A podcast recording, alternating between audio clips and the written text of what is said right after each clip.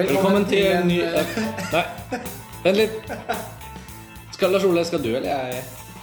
Nå føler jeg at eh, du skal få æren av å introdusere den episoden, Karsten. Fordi det har jo på, på en måte alltid vært du som har tatt det første ordet. Det er en okay, tradisjon. Okay, tradisjon. Og nå er du tilbake etter et langt Ja, langt jeg utenlandsopphold. Jeg må, jeg må bare rense røsten litt.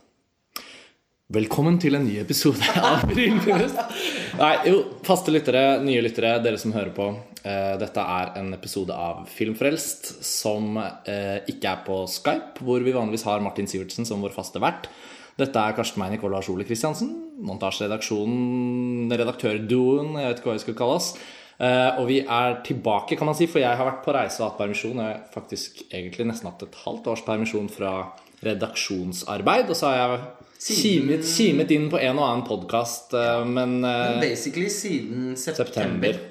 Så det er godt halvår siden. Det, er, det klør veldig i montasjefingrene, da, som har pumpet gjennom blodet mitt i fem år nå. Så det, så det er gøy å være tilbake. Og vi skal i dag snakke om én enkelt film. Dette er ikke en komplisert tilbakeblikkspodkast eller med fem gjester på forskjellige verdenshjørner eller noe sånt. Det er bare du og jeg, og vi skal snakke om Darren Aronofskys Noah. Yes. Eh, jeg har jo da fått sett filmen to ganger. Jeg så den først på pressevisningen på Filmens Hus. Dagen før jeg kom hjem. Dagen før du kom hjem. Eh, og jeg så den da i 3D. Eh, filmen er jo ikke skutt i 3D. Eh, og i, sånn som jeg skjønte, så vises den ikke i 3D i USA. Det tipper jeg er Aronofskys krav. Eh, For å akseptere en postkonvertering som eh, de kan cashe inn litt ekstra på, så har han likevel fått Det har vært kjent nå i forkant av lanseringen at Aronofsky fikk sin cut. Ja. Han fikk den kunstneriske friheten på tross av at han jobber i sånn virkelig studiosammenheng for aller første gang, egentlig. Selv om Fountain også var en slags studiofilm, så var Mm. men det, det så altså, veldig- lavt budsjett, og det ble på en måte De tillot han å pusle med de greiene, og det var ikke noe stort tap for Det noen. er jo en amputert studioproduksjon. Nettopp. Og, og, så, og så har nok hans liksom, følelse av at jeg har kunstnerisk frihet her, også innebært at han kunne si en postkonvertering av Noah, det nekter jeg for, i hvert fall i USA. Og så har de blitt enige om et kompromiss. Ja, men Da lanserer vi den i 3D resten av verden. Og så har han akseptert det. Men i Norge, i Oslo, da, da jeg, ville, da jeg fikk sett den noen dager etter at jeg kom hjem, og vi gikk og så den sammen, så gikk den jo i 2D. Flere kinoer i Oslo. Ja. Eh, og det er nok en sånn Nå skal ikke det bli noe emne, men denne postkonverterings-3D-trenden, den tror jeg er litt sånn Den vaker i hvert fall i sånt ingenmannsland. Og så går jo billettprisen opp uansett, så det spørsmålet er vel hvor mye det til slutt er verdt å tjene. da. At den kanskje eh, bare er i en slags Ja, altså, ganske lang overgangsfase. At det For hvert fall digital 3D blir vel veldig nå sånn at det er de store animasjonsfilmene og de store filmene som gjør 3D ordentlig. Ja. Som virkelig er regnes som 3D-filmene. Ja. Mens når vi snakker om de vanlige filmene i postkonvertering, så er det helt uinteressant å trekke inn 3D, for det er ofte meningsløst. Og det sa jo du også, at Ja, 3D-en i Noah var liksom som om den ikke var der. på en måte Ja, nå er jo ikke jeg spesielt glad i 3D i det hele tatt, men jeg, det er klart i noen få filmer som er laget med en så eh, Altså med en virkelig virtuos tanke om hvordan man kan bruke tredimensjonalitet, da, så syns jo jeg også det kan være kult, som i Avatar eller Prometheus. Eh, og når jeg vet at filmen ikke er altså sånn, Når jeg vet at den er postkonvertert, så blir det jo liksom automatisk det at åh, Ja, hvorfor? Hvorfor skal jeg se den i 3D nå? Men jeg lurer på hvem som tar avgjørelsen at på liksom pressevisningen, hvor det bare er filmkritikerne som skal se filmen Ja. De fleste av de vet på forhånd at filmen ikke er skutt i 3D. Og vil det bringe med seg en litt sånn negativ tone med en gang, tenker jeg da. Altså sånn, Ja, Hvorfor velger distributøren og, og, og, og, og det er alltid på Filmens Hus, alltid når det er pressevisning, så er det 3D. Hvis filmen er Hvis, ja, selvfølgelig. Hvis, det er ikke sånn at uh, Lars von Trier sine filmer blir vist i 3D der. Det står faktisk en sånn 3D-tolker ved siden av lerretet og forteller hvordan dette ville vært i 3D. Og nå opplever de det! Nymphomaniac 3D, kanskje. Ja, det kunne faktisk kanskje vært like. Sannsynligvis. Men, Men eh, altså, uansett, vi skal nå snakke om uh, Aronofskys film, rett og slett. Og vi, og, og vi diskuterte litt om er det mulig, ja, skulle, vi, skulle vi trukket inn hele Aronofskys filmografi og snakket om Aronofsky? Han utrolig spennende filmskaper. Ja. Vi har diskutert Black Swan tidligere på montasje, også i podkast, i artikkelform og hva som helst. Og det er jo ingen tvil om at Aronofsky bygger sakte, men sikkert en hyperinteressant filmografi. Det er så mange variasjoner og forskjellige temaer. Det er så mye estetisk eksperimentering. Det er veldig mye å diskutere, men vi ble vel likevel enige om at i denne omgang, i hvert fall, så Ja. føles det best å bare fokusere på Noah og Ja. diskutere hva den filmen får til, og hva den kanskje ikke får til, og hva som oppstår ved å både få til ting og ikke få til ting over hverandre. For vi er jo ikke helt uenige. Nei, jeg, det, vi er vel liksom grunnleggende sett nokså enige om den filmen. Eh, Jeg altså fikk jo da sett den to ganger, andre gang også i 2D. Ja. Eh, bare for å avslutte denne 3D-digresjonen. Eh, det jeg kan si om det, er at jeg opplevde at det utgjorde veldig liten forskjell. 3D-en var også så lite anmassende at den heller ikke helt ble et problem for filmen. Eh, så det var ikke sånn at det var dårlig å se den i 3D. Jeg så den, jeg, altså jeg kan nesten ikke Jeg tenker ikke at det var For opplevelsene var helt like, egentlig. Ja. Så sånn er det. Og film. som- Ja. ja. Jeg ville sagt til de som ønsker å se filmen, men som er sånn Det er tidspunktet hvor den vises i 3D. Det er det som passer. Mm. Uh, og så går den i 2D, og så eller sånn Å nei, da må jeg ikke dropp den, på en måte. Bare gå og se den i 3D. Det er ikke sånn. Det ødelegger ikke filmen, da. Nei, det kan jeg godt se for. Ja. Og, og jeg så den, men vi så den på lørdag og i, i 2D på Klingeberg. Bra visning. Morsomt å se filmen igjen. Bra stemning i salen. Jeg Ja, det var følte det faktisk. sånn Folk- god energi. Ja, folk skvatt. Det virker faktisk som at folk likte filmen. Ja, Den er jo litt en rollercoaster ride på en eller annen merkelig måte. Nei, nei. Av og til bruker man det begrepet. Liksom, som meget underholdende film, f.eks. Jeg kan uh, bare umiddelbart si at jeg anbefaler jo folk å se den filmen. For den er sånn Den er sånn deilig underholdende på en sånn litt sånn krøkkete måte. Ja, ja, ja, ja. Det er sånn, «Nei, Hva var det for en scene? Eller sånn, plutselig kommer det noen skuespill som kanskje innimellom er litt sånn Oi, det var her, spa, her, her sparte ikke aktøren på noen av sine virkemidler. Og så blir det plutselig voldsomt poetisk, og så oppstår det sånne montasjer som ja, en Terence Malick-sammenligning verdig, da. Ja, ja. Eh, så det er sånn her rart udyr av en film, men hyperunderholdende, egentlig. Altså, Så det må bare sies at jeg, jeg syns jo dette er nok en win for Aronofsky, men en veldig uventet liksom, type win. Ja, det er jeg helt enig i. Jeg syns at uh, At Noah er vel på en måte det endelige beviset på at Darren Aronofsky vil nok aldri lage en dårlig film. Han har ikke det helt i seg fordi at det er så mye potens i filmskapingen hans. Han vil så mye med alle filmene han gjør, at det på sitt svakeste, på en måte, uansett blir underholdende. Og Noah befinner seg helt klart i den, eh, i den lavere delen av Aronofsky-skalaen. Ja. Men den er altså så til, også til å være en, altså, en, en studioprodusert blockbuster. En, I utgangspunktet en idé som ikke er sånn overveldende god. Altså, Noah, Noahs ark Måtte det bli film? Egner det seg for, ja. for, for film for, bli, Egner den historien seg for å bli fortalt på film overhodet? Det er litt sånn corny òg. Alle disse dyrene som skal bo på denne båten. Og, men fordi at Aronofsky Det er liksom sånn Hver eneste scene skal være noe. Han Føler han, han er litt som en, som, en, eh, som en veldig dedikert kvinne som føder et barn. Hvor filmen på en måte bare Den skal bare ut. Ja, det, det Og, og sånn. barnet hyler fra liksom før det er kommet ut.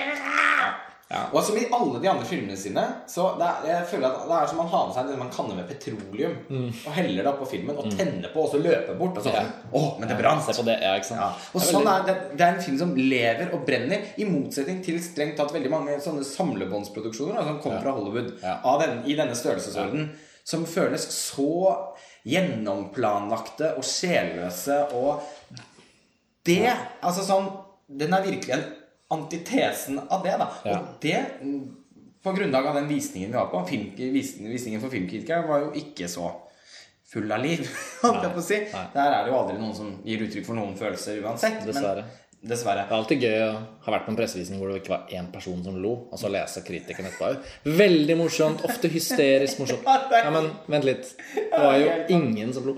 Men med Noah Jeg tenker også på, bare for å samle, trekke inn vagt noen av de norske filmer, da. Så føler jeg f.eks. en film som The Wrestler, med all sin sånn presise sånn, Den er jo en god film, en sånn kvalitetsfilm. Den har også noe av den energien vi beskriver nå, men den er jo på en måte mer som en lighter enn som en sånn petroleumskanne. Da. Litt tryggere, det er jo hans stilleste, tryggeste film. Litt tryggere prosjekt. Og litt også et forsøk på et slags comeback den gang, for da hadde jo The Fountain på en måte plassert Aronofsky litt sånn ute i mentalpasientenes rekker. Den hadde jo det. Ja. Så alle følte jo da The Wrestler kom og sa Å, Aronofsky, ja. Han er tilbake i folden. Han kan. han kan det han holder på med. Men når jeg ser tilbake på filmene hans nå, og har sett Noah, så føler jeg jo at, at The Wrestler, i hvert fall for meg, synker litt tilbake igjen Det er vel den av filmene hans som jeg kanskje syns har minst av det interessante.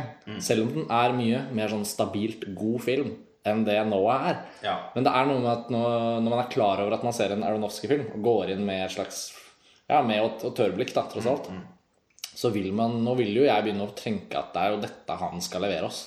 Gang på gang. Mm. Wrestler blir litt, litt sånt Altså, jeg syns jo Litt sånn flatt hvileskjær. Og jeg syns jo Pi, for eksempel, som, som jeg kanskje er liksom mer glad i enn andre gjør. Og den var den første Aronofsky-filmen jeg så, og det var den første han lagde. Og jeg visste jo ikke at Aronofsky var Aronofsky den gangen, men den så jeg liksom på VHS.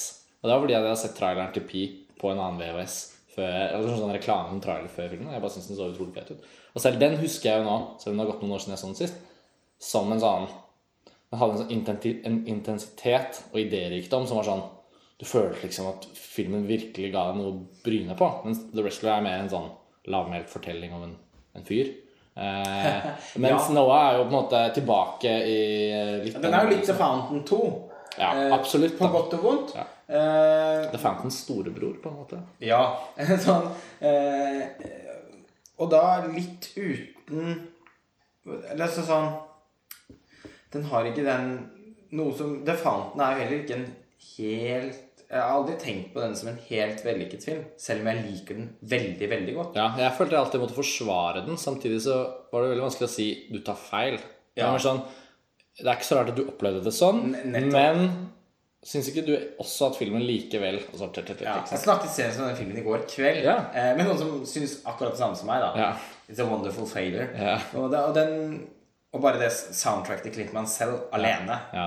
Altså, Hvis det er vel, det viktigste arven fra filmen jeg har vel besøkt det soundtracket litt flere ganger enn filmen, sånn totalt sett. Men det er jo virkelig Det må man jo Ja. snakke om som et av 2000-tallets store soundtrack. liksom Absolutt. Og Han er jo tilbake på no wow. Jeg syns ikke han gjør en dårlig Nei. Men han selv bidrar. han bidrar og mm, stort sett med det samme. Ja. Disse strykerne. Men jeg tror Janowski og Mansell forstår hverandre veldig godt. Ja. Ja, de, de, har jo samarbeid. et godt samarbeid. Eh, og til og med i The Wrestler, som har så lite musikk, så å, det er der òg. er det. Kommer mot slutten der. ja, det er veldig fint Det, til The Det er faktisk utrolig fint. Ja, det Eh, og, og veldig likt alt det andre, det òg. Ja.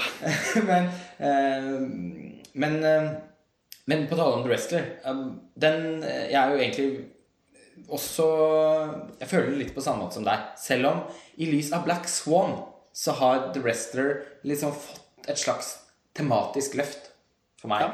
Den ser jeg. Og den er også sikkert en viktig film rent estetisk for Aronofsky, fordi med The Wrestler så tok han jo liksom Eller åpnet han for å, å la seg inspirere av Jeg følte jo veldig at han må ha sett noen av filmene til Darlene-brødrene og tenkt sånn Nå skal jeg liksom Han jobbet med en annen fotograf, og han liksom fikk liksom frisket opp Ja. noe av maskineriet sitt. Kanskje fikk noen nye impulser. Og så var det rett tilbake med Black Swan, men da Men- men med noe av det nye Nettopp. han hadde plukket opp da, i behold. Og da, da- Black Swan er jo mesterverket til Aronofsky. La oss håpe han begår noen nye, men Ja. liksom Det var det ultimate møtet mellom en crazy maniac og en litt sånn kontrollert, presis historieforteller som liksom bare ja, Han fikk jo til alt. Nettopp. Og derfor blir liksom det, Derfor blir også The Wrestler blir så viktig, da. Ja.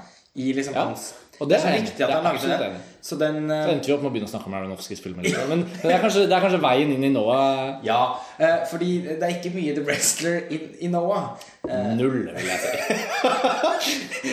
ja, Det er jo også denne mannen, Ja, og det, og det er uh, skjebnen. Mm. Og det er den ene Altså eh, det, er liksom manifestert i én person. Så er det så mange drømmer, ambisjoner eh, og Paradokser og dilemmaer. egentlig. Ja. Vrede. Det rives og slites innvendig i disse figurene til Aronofsky. All, alltid. Alle filmene hans handler om det. Ja. Og det ble jeg ganske imponert over at han klarte å gjøre på en såpass drivende måte i Noah. Mm. Fordi jeg hadde, når jeg så de bildene med Russell Crowe, med det skjegget og den der striesekken Promomaterialet har ikke vært direkte overbevisende. Nei, det sånn. nei, det har vært helt eh, jævlig, egentlig. Det, på plakatene er jo så Ja. fantastisk stygg at Samtidig så bringer den sikkert dessverre da, inn massene. Ja, Fordi den da klarte å lage en plakat som, var, som brakte inn massene som var litt flottere enn den. Eh, og, men til og med trailerne har jo ikke vært spesielt. Nei, på ingen måte. Det var jo først filmen som var bra. Ja, og den var bra på en litt overraskende måte. Fordi jeg føler at filmen Den er hele tiden, i likhet med hovedkarakteren, er filmen hele tiden mellom to ting. Den er liksom mellom barken og veden i Noas ark. Mm. Den, den er på, på en måte så er den eh, veldig så, så forsøker den å være veldig sånn nede på jorda, organisk. På andre måten så er den veldig sånn kunstig, nesten sånn med noen dataspillaktige effekter og veldig merkelige eh, stilgrep. Det var en eller annen som sa CGI is not Aronofskys format. Nei, det, det, det må vi snakke litt mer om etterpå, fordi det er så overveldende presist observert. Og, og så er den også liksom Den skal både være sånn veldig realistisk, forsøke å strippe Noah ned til noe sånn ja, Ikke akkurat kjøkkenbenksrealisme, men litt sånn sølete, menneskelig drama. Ja. Og på den andre siden også sånn Sånn himmelropende mytologisk. Ja. Åh, Så er det liksom sånn Oi! Ja. Det liksom, den, den er hele tiden Men på utrolig merkelig vis så syns jeg likevel ikke filmen er tonedøv. Han klarer er å finne en musikalitet i balansen mellom de ulike stemningene mm, som, som han på et sett og vis bærer filmen igjennom. Dette er en film som på papiret Og det, For det, det satt jeg mye og tenkte på når jeg så filmen. Dette er på papiret en mislykket film.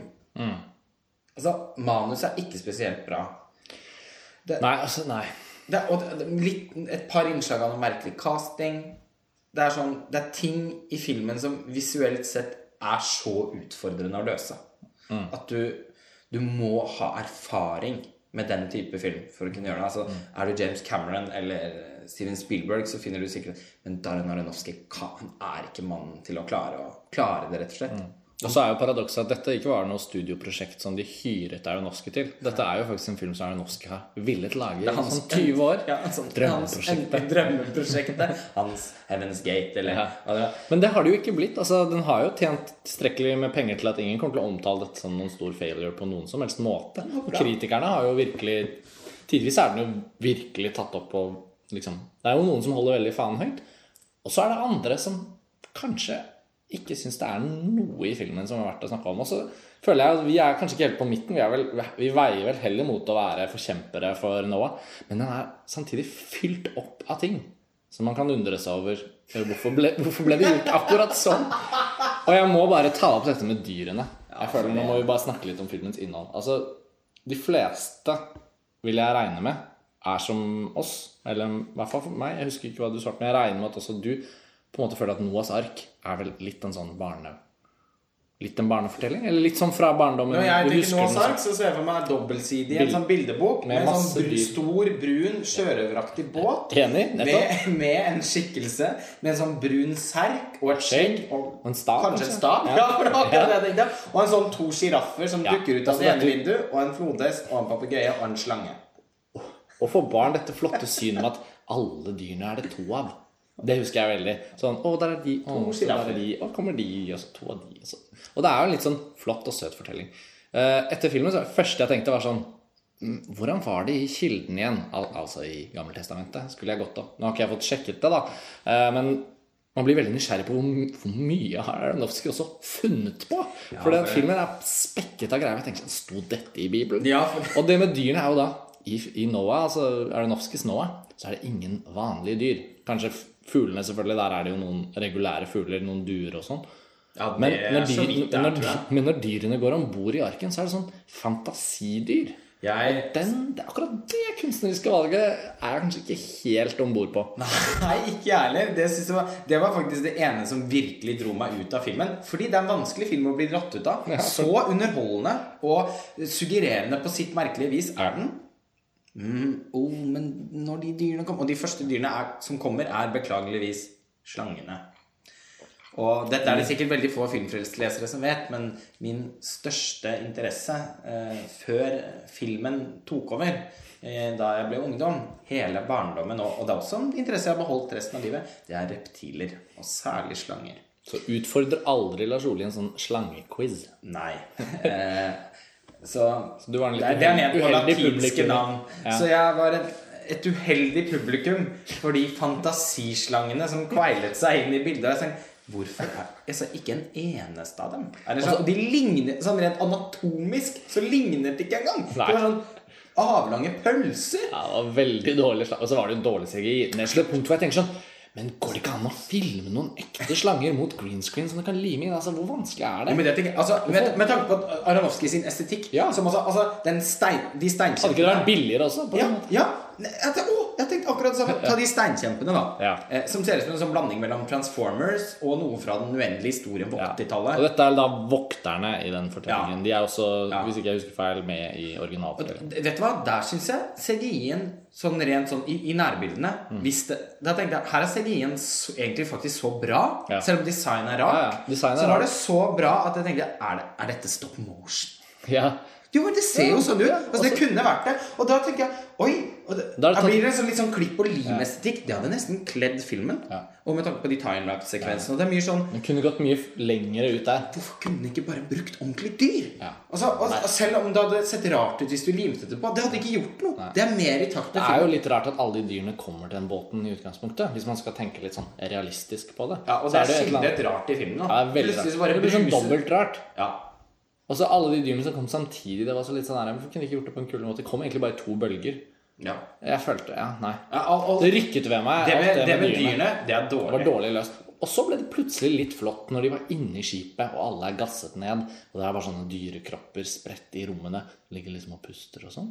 Det var ikke så verst. Det er helt annet. Ja, men det, det, ble, Ja. det, det, det var den der mellomtingen Ja, igjen. dette er et klasseeksempel på filmens på en måte problem, men samtidig så ble jo vi Det ødela jo ikke filmen for oss, men det er liksom sånn Hvorfor kunne de ikke bare fått til det litt bedre? Det, altså, det, Det er men- litt merkelig. Dette fanger jo egentlig hele filmen. Det, det oversiktsbildet, av, særlig når de pattedyrene har kommet, da, som Mm. du ser på tross av min, mine innsigelser mot slangene, så er det vel de pattedyrene som ser aller verst ut. Mm. Ja. Det ser ut som Zoo Tycoon. For de som Både ser det. Både ser det dårlig ut, og så er det dette med at han har funnet på egne dyr. Ja. Som er så sykt nærme å være sånne dyr vi kjenner. Det er liksom en hjort, men sånn Nei da, det var bare en hjort med noe sånn ekstra hjorteaktig ved seg. Kan dere ikke bare la det være en hjort, da? Ja, det er helt, helt merkelig bak. Hvorfor den forstyrrelsen? Og så, og så kommer Ja. det her totalbildet med de dyrene. Ja. Ja. Dette ser så hjerteskjærende dårlig ut. Ja, det, det glemmer jeg så fort jeg kan. Og så hjelper filmen meg med å glemme det Ja. idet de kommer inn i, i båten, og Jennifer Connelly går rundt med en sånn der greie som gjør at de Sånn søvnmiddel. Og så er det en sånn bildekomposisjon. Det er en av barna som står og holder over den ene fuglen. Som, så er det sånn kjempevakkert! Ja. Når De ligger der plutselig, ser det ut som de fuglene er laget Ja, ja. med ordentlig fjær. Ja, ja, ja. Nei, det er Det er helt, noe helt annet. Og så er vi tilbake i filmen igjen. Da. og Sånn er filmen hele tiden, og det er tidvis veldig lite forstyrrende.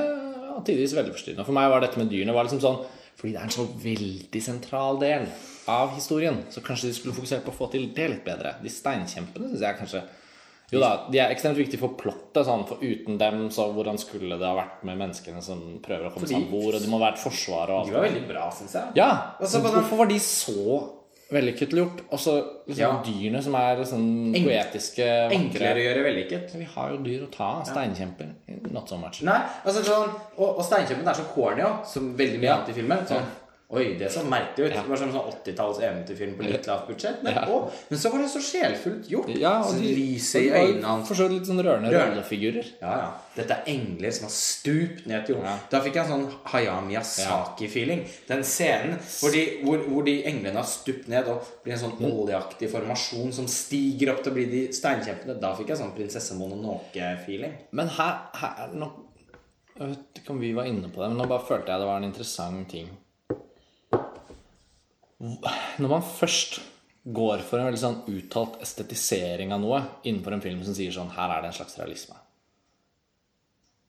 Hvorfor ikke Fordi i, til og med i Harry Potter, som også gikk for sånn egentlig en form for realisme innenfor det de Så hadde de jo den animasjonssekvensen eh, som var så fantastisk i Her er ikke jeg eksperten. En av filmene. Så var det sånn, Harry Potter and the Deathly Hallows Part 1. der var det en sånn utrolig flott sånn animert bit inni. Ja, Og andre filmer òg tillater seg på en måte bare sånn gå over til animasjon litt, og så gå tilbake. Ja.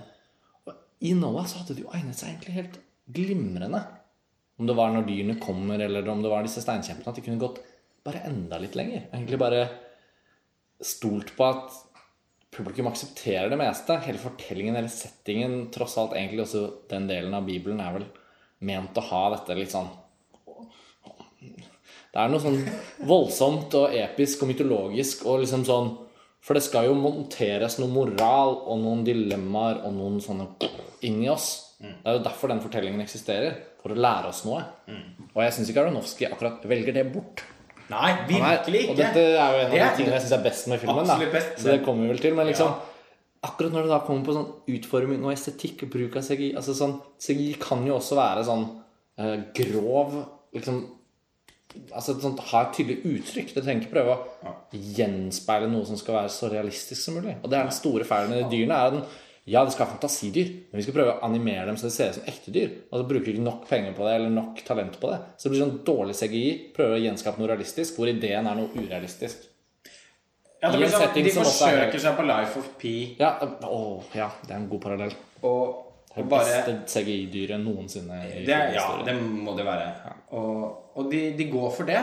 Og så, som du sier, så er, det, så er ikke budsjettet høyt nok, eller, eller så er det ikke kompetansen blant Nei. til Aronofsky, som, som, som ikke er en CGI-mann. Den, er ikke, den er ikke stor nok til at han helt kan lykkes med det. Eh, Feil folk, rett og slett. Ja. Og, så, og så er tanken så på en måte, som du sier, i en film som er så åpen, og som springer ut i så mange merkelige retninger, Ja. som har så mange sånn hyperstiliserte, kunstige sekvenser, Ja. så hadde det vært rom for å gjøre noe rart Ja. med det for å lykkes. Nettopp. Å liksom, Nettopp. og så gjør og så, gjør, og, så, og så går filmen i de scenene som i størst grad hadde trengt noe sånn det man kaller for utpreget artsy. Gjør de det så konvensjonelt. Mm. Det er der filmen kanskje har trengt. Aronofsky mest. Ja. Og det er der han Det er der hvor han svikter, da. Ja. Eh, der hvor han virkelig ikke svikter, er, som du var inne på i stad, det er faktisk på en merkelig måte en ganske tankevekkende film. Altså, det er man har med seg noe hjem fra den filmen. Den der eh, Den måten som et, så- som et, som et innlegg i liksom miljøvernsdebatten og sånn, som har vært den liksom tabloide fortellingen rundt filmen. da, at uh, Ulrik Eriksen i Morgenblad skrev veldig morsomt at uh, at eh, Noah var som uh, Miljøpartiet De Grønnes svar på Saddam Hussein. Det var, det Ja, var faktisk treff, veldig treffende på en ganske morsom måte. Ja, eh, og, det, og den Noen av de Altså Noahs eh, menneskeforakt er Den syns jeg er interessant. Den er oversettbar til eh, til situasjoner rundt omkring i verden som man kan kjenne seg Altså sånn Det er en, det er sånn nesten Man kan sånn- bli ja. så oppgitt over menneskets evne til å være onde at man tenker Har vi i det hele tatt fortjent å være her? på en måte?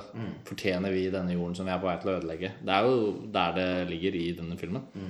Og når det liksom Han blir jo også så besatt av oppdraget at han innser jo at selv ikke han og, han og hans familie fortjener egentlig å leve. Og når, og når disse tingene Altså, jeg syns faktisk oppbyggingen og liksom hvordan det, det dramaet som oppstår mellom hans liksom, følelse av moralsk forpliktelse overfor liksom, oppdraget han har fått fra Gud, da, sånn som han ser det, eller fra skaperen. Kaperen, som de Ja. ja, og det er en viktig forskjell. Altså, det er liksom the creator. Og der kan man jo Der kommer det helt sikkert til å dukke opp spekulative analyser som ser på liksom the creator som metafor på kanskje til og med kunstneren. Altså, altså, og også liksom sånn politik, politiske ledere. Det er liksom veldig mange måter å liksom analysere oppdraget som gis til Noah på. Og også det man, i, hvor stor grad er man forpliktet til å følge ordre? Noah også som en soldat, kan man lese. Sånn. Så jeg synes jo mor moralen her, og liksom dilemmaene som kommer særlig i tredje akt, da, er løst på en så god måte at de egner seg for tankevekkende refleksjon knyttet til veldig mange ting Yes. som vi har i samfunnet vårt. Yes. Og det er, og det er hele sånn poenget med Bibelens Ja. fortellinger. Altså, Så der lykkes jo Noah lykkes jo Aronofsky og Noah overraskende godt med å adaptere Bibelen på en uh, tro, trofast måte, men moderniserer det likevel. da. Ja, altså de lykkes de, Han lykkes Og det er faktisk litt sånn rørende at han lykkes med. Ja. Han lykkes med å ivareta hva eh, som for I hvert fall for de av oss som ikke er eh, Som ikke er religiøse. Uttalt religiøse. Uttalt religiøse. Så eh, Det betyr ikke at man ikke er interessert i Bibelen. Nei, når man likevel syns at, at, at historien i Bibelen er, er viktige, Mm. så handler det veldig mye om at de er bilder som vi kan lære noe av, som vi kan ta med oss og bruke. Og gode fortellinger av den gammeldagse Ja, sorten. men de Liksom. kan hjelpe oss med å sette ord på, eller liksom finne et språk for eh, følelser og situasjoner Mm. som er grunnleggende menneskelige, som alltid vil oppstå.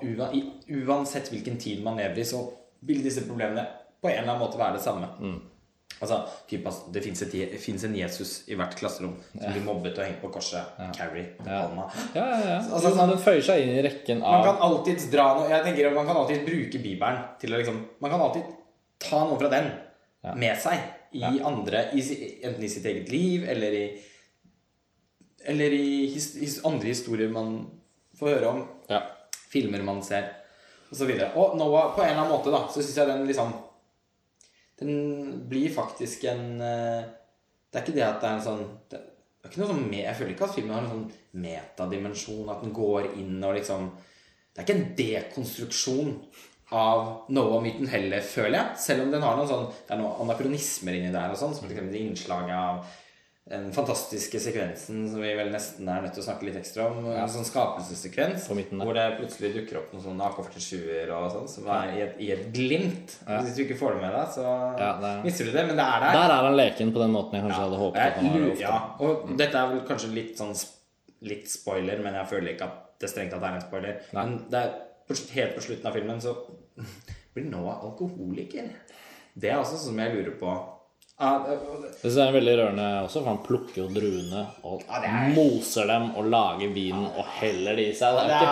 er veldig Det er litt sånn Simpsons-versjonen av Noah. Men, ja, men akkurat der syns jeg også de skulle castet om og heller brukt Nick Nolte. Altså, da syns jeg Da syns jeg på en måte at da, da hadde den scenen fått enda litt mer. For jeg vet ikke om Russell, Russell Crowe klarer jo ikke helt uh...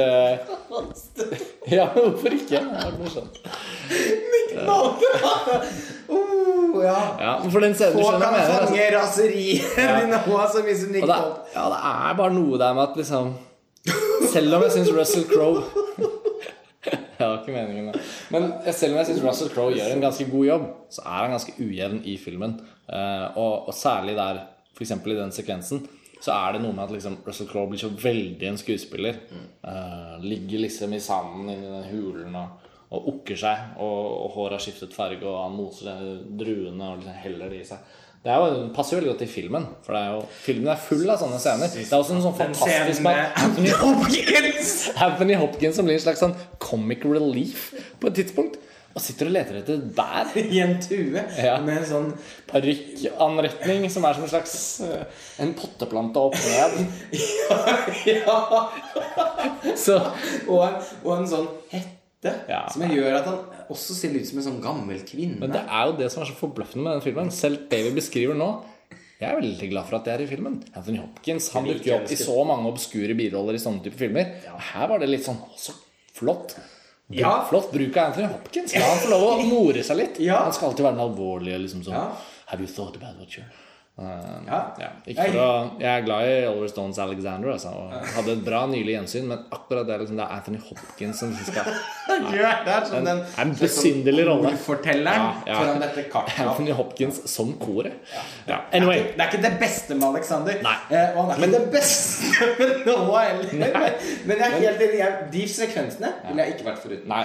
Og det er veldig lite av filmen jeg egentlig skulle vært foruten. Nå har vi snakket om den viktigste delen som jeg syns er problematisk. Og så var det jo det du var på vei til å si. Da var vi jo lyst til å begynne å snakke om den. så det, det skapelsessekvenselementet på midten der er jo også vidunderlig i sin eh, For det er en film som er veldig sånn Den er jo også ganske tekstlig. Selv om han er en veldig visuell filmskaper, så er det det legges jo ikke skjul på noe i dialogen. Nei, nei, nei, nei. Ingen subtiliteter Nei. eller Og, subversiviteter. og, og subtilitet er vel ikke Darren Aronofskis greie. Nei, det er ikke det. eh, og han er heller ikke noen stor filosof med rike tanker om mennesker. Er, altså han, Men han, han er mer av en, mer av en slags bastard, syns jeg. Ja, men så er han sånn- Usedvanlig god til å lage film. Ja, Og så er han aggressivt nysgjerrig. Ja.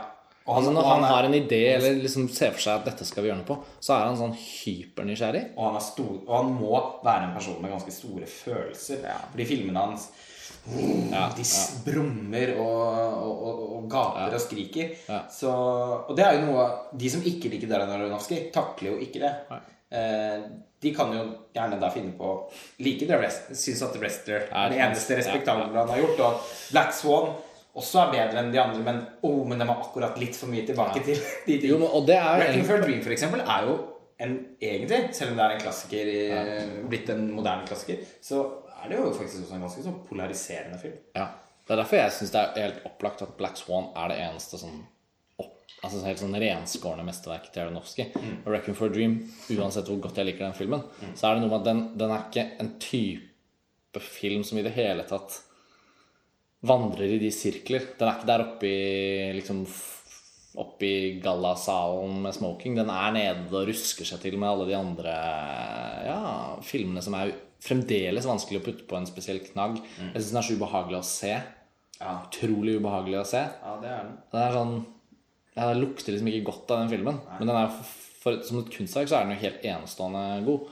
Eh, hvor liksom Noah kommer til å ende opp her i dette bildet, er jo liksom rart. Men jeg tror det vi var inne på i stad, med at han, at han, er, han treffer så vanvittig godt med kjernebudskapet i hele fortellingen. At filmen står så stødig og godt som sånn en, en, en tar opp arven fra Bibelen, på en måte. Ja. Å, uten å være i det hele tatt religiøst misjonerende. Altså, Nei, nei, nei, nei. den er Det er ikke et prosjekt for han i det hele og der oppsto det kanskje noen kontroverser i USA, men de kontroversene er nesten ikke eksisterende, sånn som jeg ser det. Jeg tror ikke det er Nei, en jeg lurer litt på hva noen av Fordi man har ikke helt fått høre hva konkret jeg hva tror, de det kontroversene er, handler om. jeg tror det er enkeltpersoner Enkeltpersoner som har blåst opp for å få oppmerksomhet Jeg til seg selv. at- ja. Jeg tror ikke det er noen reell kontrovers, fordi filmen er faktisk ikke spesielt kontroversiell. Den er jo ikke det. Den Men- er bare en sterk og liksom virkningsfull gjenfortelling av det budskapet. Men den, men den Med er alt av Aronofskys Ja, opplegg. og i, sitt, i, i det opplegget så, så fremstår den jo i hvert fall også da som, som ganske kompromissløs, da. Altså sånn Man merker at det er hans director's cut Ja, som er der. definitivt. Ja. Og tenk Og- så bra at det er det. Altså, jeg bare Ja. Man kan forestille seg mange liksom utelattelser og sikkert Ja, ja. ting som kunne vært puttet inn som kunne gjort det enda mer overtydelig. Altså, Den kunne også vært strammet inn med 20 minutter. Man kunne også Altså, jeg, Eller ja, den kunne vært strammet inn, inn, men jeg vet ikke om jeg hadde foretrukket en innstrammet versjon. Nei, jeg hadde nok heller ikke det. Men jeg ser for meg at det hadde kunnet kommet argumenter på bordet for Ja. hvorfor Ja man skulle stramme inn et kvarter. Og så hadde man kanskje fjernet noen av de tingene som er best. Ja, det, eh, men det jeg syns er litt sånn Jeg vil ikke bruke ordet smart om denne filmen. For den føles ikke sånn. Men det som likevel ender opp med å bli litt smart, eller bare litt riktig, da, Mm. er at eh, den første akten, Hvis vi skal snakke, skal snakke om akter, syns alltid det er litt sånn merkelig å gjøre. Men hvis filmen har tre akter Den har egentlig tre ganske tydelige akter. Den første akten, den er en eventyrfilm. Veldig eh, inntagende som det, syns jeg. Veldig masse rart, men Altså da, Det er liksom Clint Mansell's musikk begynner å etablere flere temaer. Vi blir introdusert for et, et universet, rett og slett. Ja. Eh, For det ligner ikke helt vår verden, dette her. Det er, det er mer et, et eventyrunivers. Og kjent med disse steinkjempene, og hvordan Noah ble den figuren han ble. Og eh, han har noen drømmer som han hjemsøkes av. Det er veldig sånn Og litt sånn pur Aronofsky. Så er det en sånn en time i midten der som Eller kanskje bare 45 minutter. Men som, hvor filmen går litt i stå pga. dyrene. Som, det er rett og slett bare dårlig løst. Det er ikke bare dårlig løst fordi dyrene ser dårlig ut, men måten det rent sånn Hadde man ikke på uendelig mange måter kunne få det altså liksom skildret det rent visuelt mer spennende. Altså det at horder med dyr har tatt seg gjennom lange strekninger, samlet seg, går inn i Da hopper de over veldig mange muligheter, egentlig. Det bare liksom rasler litt i skogen. Klipp til totalbildet av arken og alle dyrene som kommer. Ja. Ja, Tenker du at den andre akten, hvis man skal kalle det det, starter med at han starter å bygge arken? liksom? Ja, det er akkurat der den starter. Ja. Og da har vi også introduksjonen av denne Ray Winstone sin bad guyen. Ja. Filmens bad guy. Han gikk vel litt sånn for Oscaren, føler jeg. Ray, jeg føler at Ray Stil, stilte opp på settet. Skal spille i den nye Aronofsky-filmen og bestemte seg nå. Ja. Det, det, This is my shot. ja. Jeg tror han tenkte liksom Noah, det må vel være ah, Det må vel høres ut som en Oscar-film. Aronofsky, han som lagde den Black Swan. Det, nå skal jeg gi alt. Og han gir alt. Når han står der nesten skjelver av overspill. Eh, Altså, Ray Winston eh, er jo en typisk sånn skuespiller som Hvis ikke man er spesielt interessert, så vet man ikke navnet hans, men man bare har sett han i en million filmer. Ja, Spiller jeg- nesten alle denne typen filmer. Litt sånn som Brendan Gleeson. Ja, de er jo De kan veldig fort forveksles. Men jeg, ja, det er jo Ray Winstone i Sexy Beast som uh, gjør en glimrende innsats der. Tror jeg. Har du sett den filmen? Jeg har ikke sett Nei, du har ikke sett den filmen, ok ja, men Jeg er 98 sikker, uten å ha IMDb for hånden. Så er det vel han som spiller den hovedrollen, og det var en utrolig flott, subtil altså sånn, Det var glimrende, liksom. Det var sånn, Da tenkte jeg sånn Men den filmen er vel altså, den, den en jeg over jeg. Ben Kingsley og han, de spiller Da er det Ben Kingsley som tar overspillingsrollen. Ja. Ikke uventet. Um, og Ray Winston gjør en veldig sånn fin, ganske sånn lavmælt figur. Men hovedsakelig så dukker jo Ray Winston opp som han litt, litt sinte, morske fyren. Uh, og i Noah så, så er det som han prøver å oppsummere energien fra alle roller han noensinne har spilt, inn i Føles som én et sånn oppsummeringsverk, Ja. den prestasjonen hans. Ja. Og han, Han han slikker seg rundt munnen og, og brøler og ser Når han skal snakke om noe som foregår i himmelen, så ser han opp med øynene. Ja. Hvis han eh, snakker om naturen, og, så ser han rundt seg med øynene som virvler i sirkler. Altså, Han er filmens ufrivillig komiske element, da. kropps, Han er jo ikke god. kroppsspråket er så voldsomt at det skal ikke levnes noen tvil om alt han føler. Og det er stort sett bare én ting. Han er rasende. Han er rasende, ja. det Han er har lyst til å ødelegge den arken. ja, eller Men det er ikke det at han ikke er god. Han vil, bare, han vil jo helst om bord. Ja, Ikke bare ødelegge. Nei. Han, er bare veldig sint. Først vil han ødelegge, og så er det jo på en måte en liten twist at han bryr seg til syvende og sist mest om seg selv. Ja. Eh, men han Men ja. Men jeg vil ikke nødvendigvis si at han ikke er god. Det er bare feil. Ja, ok. Eller altså sånn Han, han Men jo Aronofskys eh, valg om Winstone er ikke godt. Nei. Winstone gjør vel bare så godt han kan. Nettopp. Ja, og, han gjør, og han gjør alt. Ja, da, Jeg setter litt pris på synes det er jo en, av- Winstones mest minneverdige rollefigurer. Ja, så, så derfor vil jeg Det er nettopp det jeg egentlig vil fram til. At jeg syns faktisk også den Nå høres det ut som vi sitter og er så unnskyldende til denne filmen at det nesten eh, høres skammelig ut. Men opplever også at det bidrar til underholdningsverdien. Det gjør det. det gjør det. Akkurat som Anthony Hopkins. Altså, det det er vel egentlig det vi sa innledningsvis også, at selv, selv om vi beskriver Winstons um, nærvær i denne filmen sånn som vi gjør det nå, så er jo ikke det egentlig ment som en kritikk mot filmen. Det er mer som, ment som å diskutere denne filmens natur. ja. Det er sånn denne filmen er. Ja. Og Aronofsky har tatt sine valg. Og så får man ta det som det er. Men øh, helheten er for meg så, så opplagt verdifull. Uten å si at den nødvendigvis er så god eller pen eller smart hele tiden. Den er, den er mer sånn totalt sett verdifull. Jeg er glad for å ha sett den. Jeg er glad for at den er lagd. Den er noe. Ja, og den, den er noe. det jeg egentlig skulle til å si i stad Nå løp det ut i en digresjon om Ray Winstone. Eh, men som jeg sa at det i hvert fall føltes som ja, smart, føl- føltes som sagt merkelig å bruke i denne sammenhengen. Men Ja. riktig, veldig riktig er at den første akten som jeg beskrev, er sånn som den er. Og så kommer denne andre akten med det slaget Ja. som er ganske Litt som en krigsfilm, på en måte. Ja. Men, eller sånn Ikke krigsfilm heller, men Men, men det er ganske sånn langt og ganske dratt ut og ikke spektakulært nok. Og ikke Effekten er litt for dårlig. Og det er litt sånn, sånn Det blir ikke helt to, den scenen foran Jarnagar med enten i to tårn, liksom. Som den åpenbart slekter på med disse steintransformersene. Ja. Liksom virkelig aldri der. Og du står og roper Russell Crowe og og Ray Winson står og roper til hverandre. Og, og da husker jeg virkelig at jeg tenkte at nå Nå, nå skylles den ut. Ja. Akkurat som resten av Så ble den verden en sånn mislykket. Ja. Da, da, da var det virkelig noen Det var 10-15 minutter inne hvor jeg tenkte, at, tenkte det. Men så er liksom Så gjør film, er filmen såpass lur, da, at den avslutter det egentlig ganske raskt. Jeg, jeg, jeg trodde at det kom til å være mye lenger enn det jeg faktisk gjorde. Så kommer den inn med noen sånn, litt sånn halvspennende elementer. Så kommer jo vannet. Og så kommer vannet. Og så skylles den dårligheten av filmen ut. Og så går vi inn i arken, og så er det et sånn kammerspill som er veldig intenst og veldig bra spilt. Da er Russell Crowe mye bedre enn i hele resten av filmen. Syns også Emma Watson viser hvorfor hun var med i filmen. For det var henne som var valgt til den rollen. Ja, For hun får jo ikke visst det tidligere i filmen. Nei, det er kan man si. Er går vel mer sånn retningsløst rundt i scener hvor det handler om noen andre. som regel. En dårlig karakter Ja. til filmen. Og han som spiller eh, bro, halv, altså, broren skråstrek kjæresten Filmens absolutt dårligst castede figur. Ja, det er, det en katastrofe. Mens han fra The Press of Being a Wallflower Han litt sånn usikre Logan Lerman. Også kjent fra disse fantasy-filmene som jeg ikke husker navnet på. Som er sånn third grade Narnia. Ok, ja Han Han har, altså, han har noe i ansiktet sitt som Han er gjør overraskende god. Altså, han er sånn jeg tenker sånn Å, se der. Der kom det en skuespiller ut av han bleikfisken. Ja, faen, ja. Jeg har ikke sett den Perks of Being Wallflower. Det var vel der det startet. da. Ja, han var vel god der. Helt fantastisk. Ja. Uh, den uh, Men uh,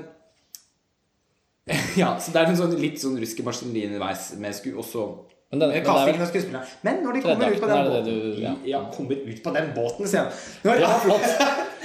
Når denne treboksen av en Og ark blir åpnet kommer. Ja, når syndefloden kommer. arken flyter, Ja. og vi er der inne, så syns jeg liksom alle, som du sier, Emma Watson sin karakter blir en karakter. Mm. Russell Crowe blir virkelig god, syns jeg. Eh, jeg er jo egentlig ganske fan av han. Ja, jeg òg. Han Syns ikke det er så mye galt med Russell Crowe. Men han har bare valgt seg noen dårlige filmer innimellom, og det, Ja, det og- skader jo enhver. Ja, og blitt litt sånn dårlig casta òg. Ja.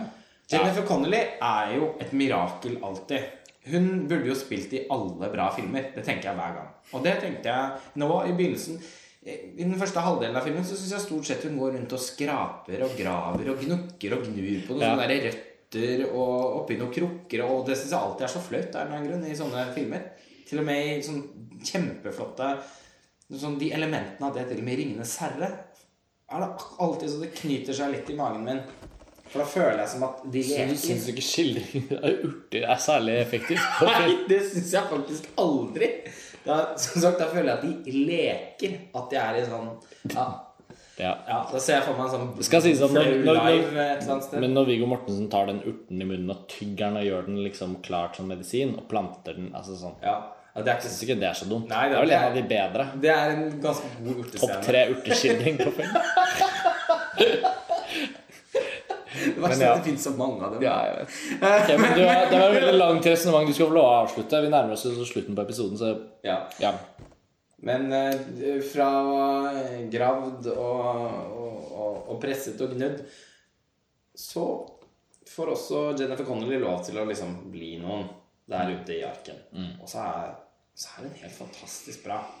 Særlig en scene hvor hun klarer å få fram så mye følelser på en så overbevisende måte i det ansiktet sitt, i det usedvanlig vakre ansiktet sitt, Ja. at man bare sånn Oi. Nå Og da var jeg så fanget i den filmen. Ja. Og det ja, for det skal sies, der har filmen virkelig tatt oss det er det sånn den holder oss det merket man på publikum. Ja, ja. Folk, du kunne høre en knappenål falle. Folk skvatt himmelhøyt når det var noe Og da var også Aronovskij litt i sånn Black Swanske skrekkfilmmodus. Ja. Mm. Det, en, det er nesten helt forbløffende hvordan han klarte å få etablert den, en så intens eh, stemning Ja. så raskt.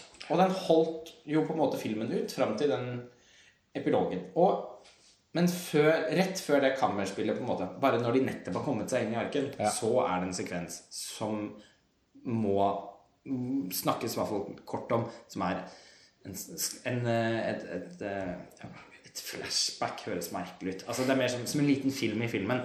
Akkurat som det eventyret i Harry Potter and, Harry Ja. Potter and Deathly House. Ja. Um, som handler om skapelsen. Ja. Altså, det er jo Det er jo veldig fint plassert i filmen. Jeg føler liksom der er det Der glir man inn på nye nivåer av hvor Aronofsky mener vi kan forstå filmen.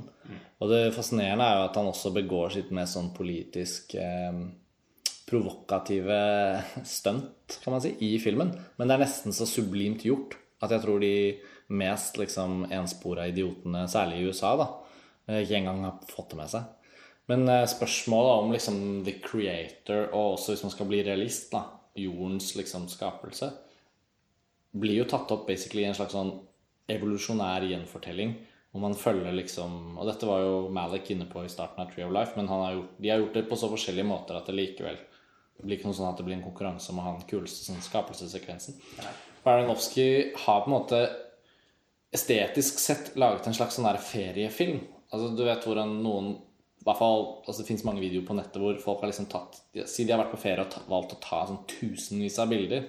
Og gjerne ofte sånn Istedenfor å filme en video, så har de liksom tatt et bilde hvert sekund mens de gikk langs en eller annen fantastisk vei. Og så setter man de bildene i rekkefølge, og så blir de veldig sånn rykkete filmsekvens. Det har han på en måte brukt som uttrykk, hvor han liksom tar oss fra manetene via liksom de første fiskene som får seg gror noen bein og kravler opp på jorden. Og så følger han på en måte en sånn evolusjonær sekvens i det uttrykket. Helt frem til på en måte en ape, hvor det klippes til et menneske. Uh, og så um, adapterer han likevel noe fra Bibelen, hvor det basically går over i Adam og Eva Edens hage. i Edens hage. Eh, Sånn at overgangen er på en måte at det siste du ser fra evolusjonærsekvensen, er en ape som blir til et menneske. Og så klippes det direkte til Edens hage, hvor Adam og Eva går rundt som sånne hyperurealistiske, glødende glansfigurer i et i hermetegn ikke-realistisk univers. eh, Med slangen og med eplet, som er skildret som et sånt pumpende hjerte. Veldig flott. Veldig flott, ja. Hengende på en gren. Og da syns jeg retorisk sett også at Aronofsky sier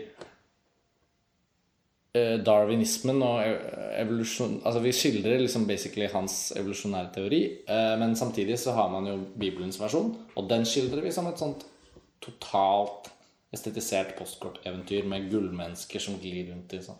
Så jeg syns jo Aronofsky basically sier, for dette er en reell debatt i USA, at skolebøker skal på en måte ikke handle om darwinismen, fordi det var Adam og Eva, og det var skapelsen. Og liksom.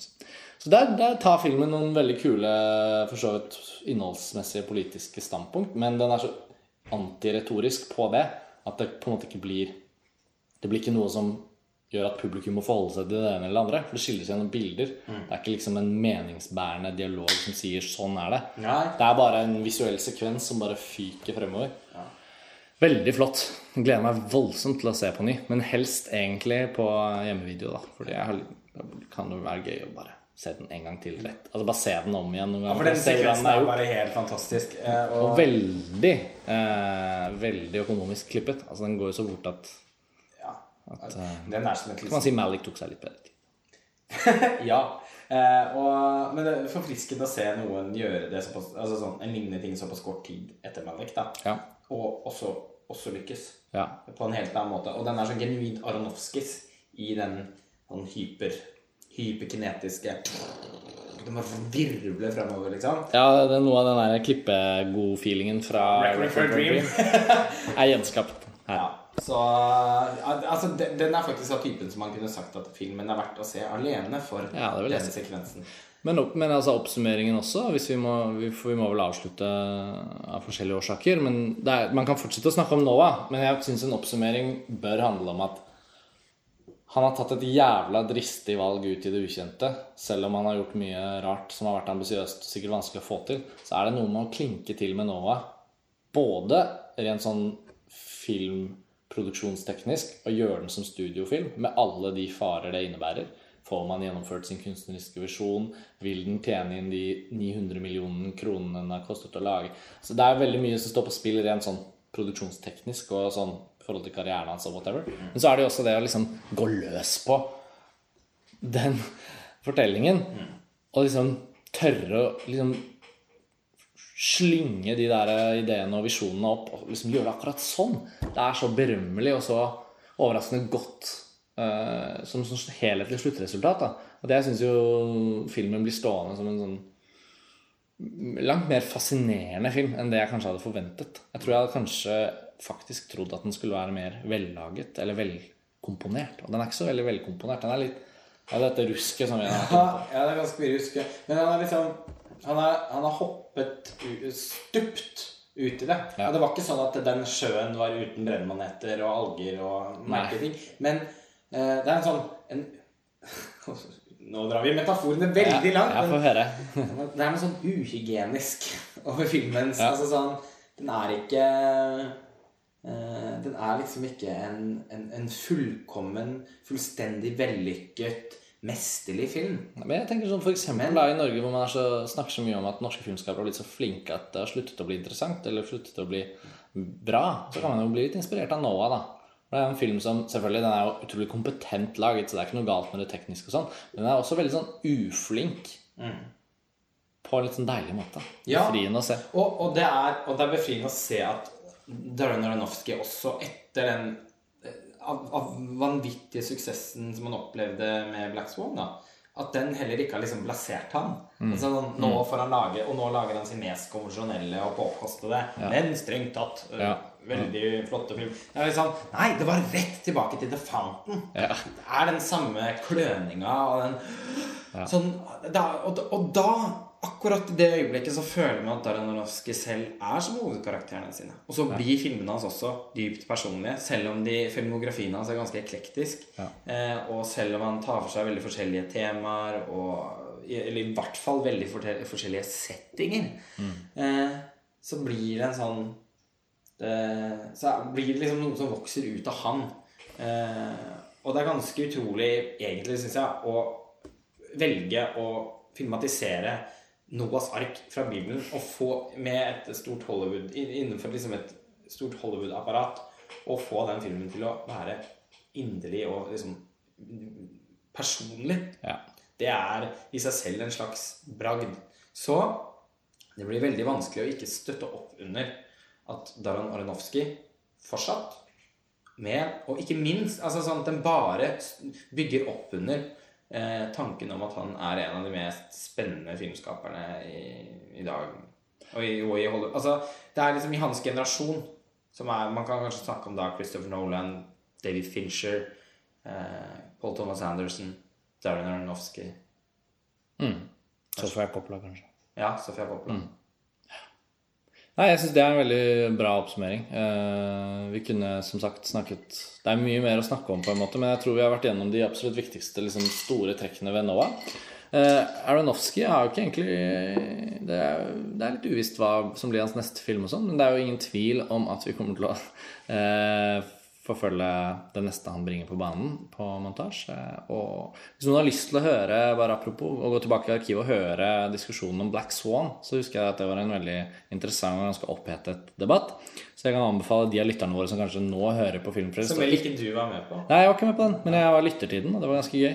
Eh, og eh, ja, så at eh, Hvis noen fikk litt sånn der, varmet opp Aronofsky-blodet sitt av å høre på denne, og av en eller annen grunn ikke har hørt på Black Swan-podkasten, så er det bare å bla seg tilbake. Og så har vi finne veldig mange artikler Ja, om så det er bare å Hvis man Blant annet har Dag eh, skrevet en eh, meget lang analyse på engelsk. ja. Sånn at Aronofsky, Black Swan, Noah, andre filmer også det er, det er mye å diskutere der, men i denne omgang så er vi ferdige. Det føltes bra å være tilbake på Filmfrelst, eh, Lars Ole. Veldig godt å ha deg tilbake. Eh, Takk. Det blir ikke så lenge til neste gang. Det blir det nok ikke. Nå er det Vi vet ikke helt hva emnet er, men det er mye, vi har noe på plakaten. Vi har noen ideer på plakaten, og vi vet, vi vet om noe som kommer, men det kan vi selvfølgelig ikke si noe mer om. Men vi kan love at denne våren blir innholdsrik, i hvert fall. Det kan vi.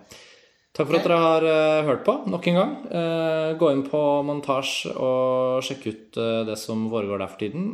Send oss bare mail hvis dere har noen forslag til episoder eller innspill, og delta for all del i kommentarfeltet. Det oppmuntrer vi. Dette er en film det er verdt å snakke mer om. Lars Ole, vi snakkes på Filmfrelst igjen veldig snart. Det gjør vi. Ha det bra. Ha det bra.